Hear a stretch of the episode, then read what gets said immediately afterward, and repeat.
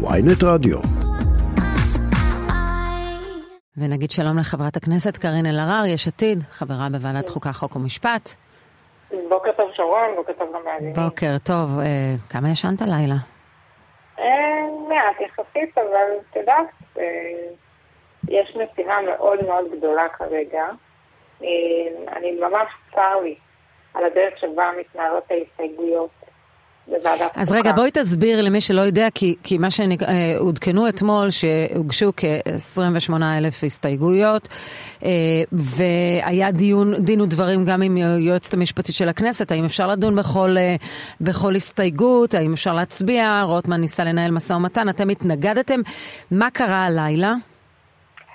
בעצם אה, התקבלה החלטה על ידי יושב ראש הוועדה, שאומרת שהאופוזיציה תנהל את דיון ההסתייגויות היא נכונה.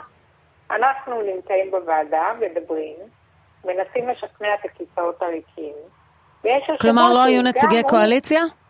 אין נציגי קואליציה, למעט יושב ראש שגם הוא מתחלף כל שעה וחצי. כן. אתמול בערב אני הייתי במשמרת הלילה, אה, ובעצם אה, היו לנו שלושה יושבי ראש שהתחלפו בתוך אה, שלוש שעות. שזה דבר הזוי כשלעצמו, וכל הרעיון של הסתייגויות בוועדה ולנסות לשכנע את הקואליציה, אולי הם טועים. כן, אבל את יודעת, בואי, בואי נהיה כנים, אה, כשההסתייגויות הן לבטל את ה-1 באפריל, לעגן אוטונומיה של חזירי בר, אה, דברים. מהסוג הזה, אז אנחנו לא מדברים על דיון ענייני. את צודקת שיש גם הסתייגויות שהן לא ענייניות. יחד עם זאת, הנימוקים של ההסתייגויות הם נימוקים סופר ענייניים. כשאני אה, רוצה להסביר לחברי קואליציה שאגב, רובם בכלל לא, לא נכחו בדיונים שהיו, בדיונים המאוד קצרים ולא ממצים שהיו, חייבים לומר. הדבר הזה הוא פשוט ביזוי של מעמד הכנסת. אבל ממה שאני יודעת, היועצת המשפטית של הכנסת, היא אמרה לכם שזה ניצול לרעה של הכלי הפרלמנטרי, כאשר הצגתם כל כך הרבה הסתייגויות, ובעצם זה סוג של הטרלה, בואו נקרא לזה. אז אם אתם לא מתייחסים לזה ברצינות, ייתכן שגם הצד השני לא. לא, אין ספק שהגשנו מספר שיא של הסתייגויות, ותודה גם לאגודת הסטודנטים שסייעה לנו בעניין. אבל אני רוצה לומר את הדבר הבא. אין ספק שהחוק שמגיע לכנסת, החוק הזה הוא חוק שהוא שיא, שיא חדש בחקיקה הישראלית. חוק שכל מטרתו לפגוע באיזונים והבלמים של מדינת ישראל. חוק שכל מטרתו לפגוע באזרחי מדינת ישראל. כי צריך להבין שתבוטל עילת הסבירות, זה נשמע נורא קטן ולא לא רציני, אבל ביטול עילת הסבירות כמוהו כצעד ראשון בהפיכה של ממש. ואני יכולה להסביר את זה. תשמעי, זה פשוט לא הגיוני. ממשלה משקיעה את כל משאביה, את כל הזמן שלה, הם ביטלו את כל החקיקה, חקיקה שאולי יכולה לסייע לאזרחי ישראל, הכל, משפיטים את הכנסת, לטובת הדבר הזה. אני מבינה שבכל זאת, עד הפגרה אמורים לעבור בשנייה ושלישית גם חוק האיזוג האלקטרוני ו- ועוד חוקים שכן... מתי שכן בדיוק תח... זה יקרה? קודם כל הכנסת מושבתת מאתמול ועד אה, סוף השבוע לטובת ועדת חוקה. אחר כך ביום ראשון הם פותחים את המליאה ב-10 בבוקר לטובת הדיונים בהסתייגויות בחוק הזה במליאה. מתי זה יקרה? כלומר, את מעריכה שלמרות ההתחייבות שלהם להעביר כמה חוקים חברתיים חשובים, הם מתעסקים רק בעניין הזה? אני אומרת לך שאין להם שום סיכוי להעביר חקיקה שהיא לטובת המדינה. אני אומרת לך שנתניהו משקר לכולם, כולל לביידן, שאומר לו שהוא רוצה להגיע להסכמות. אין הסכמות, הוא גם לא מעוניין בהסכמות. זה דבר שהוא בלתי סביר. למרות שהנה רוטמן אומר שהוא פנה אליכם להגיע להסכמות אפילו על הליך ההצבעה בוועדה, ואתם לא הסכמתם. כל ההליך, שרון, כל ההליך היה עקום מהיום הראשון. קודם כל מביאים את זה לא כהצעה ממשלתית. אין חוות דעת של המשרדים הממשלתיים. על ההשלכות. בואו נחשוב על ההשלכות על אה, חיילי צה"ל, על מפקדי החיילים. הם חשופים לתביעות בינלאומיות. עד היום המערכת הגנה עליהם, כי ידעו שמערכת המשפט הישראלית היא עצמאית וחזקה. היום פוגעים בסמכויות של המערכת. מה, מה, איזה טיעון יהיה ל, לדין הבינלאומי הישראלי בחו"ל? וזו, וזו הסיבה שאתם תומכים uh, בהתנדבות למילואים, יש כאלה שקוראים לזה סרבנות, כי בעניין הזה אתם ו, והמחנה הממלכתי בדעה שונה, גם גדעון סער וגם גנץ uh, התייצבו נגד זה. אף איש מילואים לא קם בבוקר, איזה בוקר אחד, ואומר לעצמו, אני לא רוצה ללכת למילואים. ישראל היא אחת המדינות שהישראלים הכי מחויבים לאנשים מורעלים עד גיל 60. נתניהו צריך לקום היום בבוקר ולחשוב לעצמו מה הוא עשה שגרם לדבר הזה.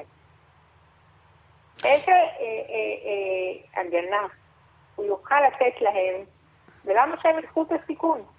את, יודע, את לא יודעת, אני מסתכלת על המאמץ הגדול שמושקע אה, כדי, אה, מה שנקרא, להטריל את הוועדה וכולי, אבל עדיין אנחנו יודעים ש...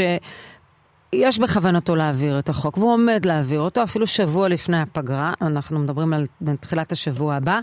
זאת אומרת, מה שעשיתם זה קצת משכתם זמן, אבל לא מנעתם. זה, זה הכלי שיש לכם, אבל זה מה שעשיתם בסופו של דבר. ככה גם היה פעם קודמת.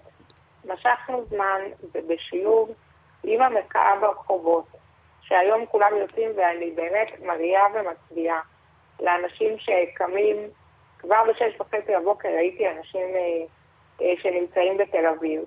והם אה, יוצאים ומפגינים. כלומר, האסטרטגיה שלכם אומרת, אולי נמשוך קצת זמן, וביחד אולי עם לחץ אמריקני, ביחד עם לחץ מהרחובות, נצליח למנוע את העברת הצעת החוק אנחנו, בשנייה ושלישית. שרון, אנחנו קוראים מכל במה אפשרית לנתניהו ולחברי הממשלתו, תעצרו את החקיקה. אתם עושים נזק בלתי הפיך לחברה הישראלית, לכלכלה, לביטחון. תעצרו, אני קוראת לנתניהו, זה המורשת שאתה רוצה שתהיה לך? תראי, בינתיים נתניהו אתמול משוחח עם הנשיא האמריקני, ואפילו דובר שם על איזשהו ביקור, אולי במהלך כן, הסתיו. אה, אז אמר הדובר הבית הלבן, אנחנו מוטרדים. אבל זה לא, אנחנו לא מדברים על נתק, ובכל זאת היה חשוב להם לקיים את השיחה הזו. אין פה שום ביקור. הם אולי ייפגשו במסדרון של האו"ם בספטמבר. עם כל הכבוד, מי שנסע בהרצוג, טוב שהוא נסע, טוב שיש לנו נציג שם, טוב שימשיכו לדבר. אבל צריך לראות את המציאות מול העיניים. נתניהו לא הוזמן, ואני אומרת לך, ככל שזה, ככל שאני קוראת את האמריקאית, הוא גם לא יהיה מוזמן בזמן הקרוב. Mm-hmm. הוא מספר לנשיא שיהיו הסכמות, איזה הסכמות? הוא לא עושה שום דבר כדי שיהיו הסכמות. לפיד מקבל מידע מהממשל האמריקני לגבי לא. הצעדים לא. שלהם? לא. תראי, הכוח שנותנים ללפיד מול ביידן, מחמיא לו, את אומרת. כן, אני, את יודעת, אה, ביידן התקשר אתמול לשאול אם אה, לפיד מאפשר לו. כן. לדבר עם אה, נתניהו. טוב, אתמול... השר סמוטריץ' אומר בפה מלא כי אמ, הקדימות של שינוי הרכב הוועדה לבחירת אה, שופטים מקובלת על ראשי הקואליציה. זה נאמר אצלו בסיעה. אה, מה את שומעת? האם את באמת מתרשמת שזה הדבר הבא? תראי, זה לא סמוטריץ', כל ראשי הקואליציה אומרים בזה אחר זה, גם חברי כנסת בליכוד, הם לא מסתירים שהם עברו מהשיטה ההונגרית של אה, אה, טיפול בהלם לשיטה הפולנית של פרוסה פרוסה, איך אמר אתמול בן גביר?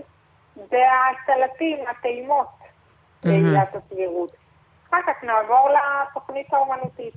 אני אומרת לך, אה, הביטול של עילת הסבירות הוא הדרך הבטוחה להגיע להפסקה משטרית. כי את יודעת, בהתחלה מסלקים את שומרי הסף וצוברים עוד כוח בממשלה, ואין יותר איזונים, אין יותר בלמים, אין יותר כוח מרסן. אבל את יודעת, מהצד השני, וגם ראש הממשלה אמר את זה, לא יכול להיות שאנשי צבא או אנשי מילואים, למעשה הם יכריעו בסוגיה הזו, בכוח שלהם, הם יחליטו, והוא מזכיר שהדרג המדיני הוא זה שמופקד על הצבא ולא הפוך. הדרג המדיני אכן מופקד על הצבא. במידה והדרג המדיני מקבל החלטות שפוגעות בצביונה של המדינה. כל אזרח במדינת ישראל, הרי זה לא נעשה במרוכז, כל אזרח במדינת ישראל צריך לחשוב עם עצמו האם הוא רוצה לשרת את המלך או את הממלכה. אבל, אבל אומר נתניהו, לא ייתכן שקבוצה בתוך הצבא תאיים בהורדת השלטר על הביטחון. אין קבוצה, לא קמה בבוקר קבוצה. כל אדם לעצמו חושב, האם אני רוצה לשרת את הדבר הזה? שרון, זה, זה באמת, כל הזמן אומרים לנו שישראל היא מדינה יהודית ודמוקרטית. אני נולדתי למדינה כזאת. אם אנחנו כבר לא מדינה כזאת, כל בן אדם סביר מחשב מסלול, מה אני עושה עם זה? כי אף אחד לא רוצה לוותר על הצביון של המדינה. חברת הכנסת קארין אלהרר, יש עתיד, תודה רבה לך. תודה רבה לך, שרון.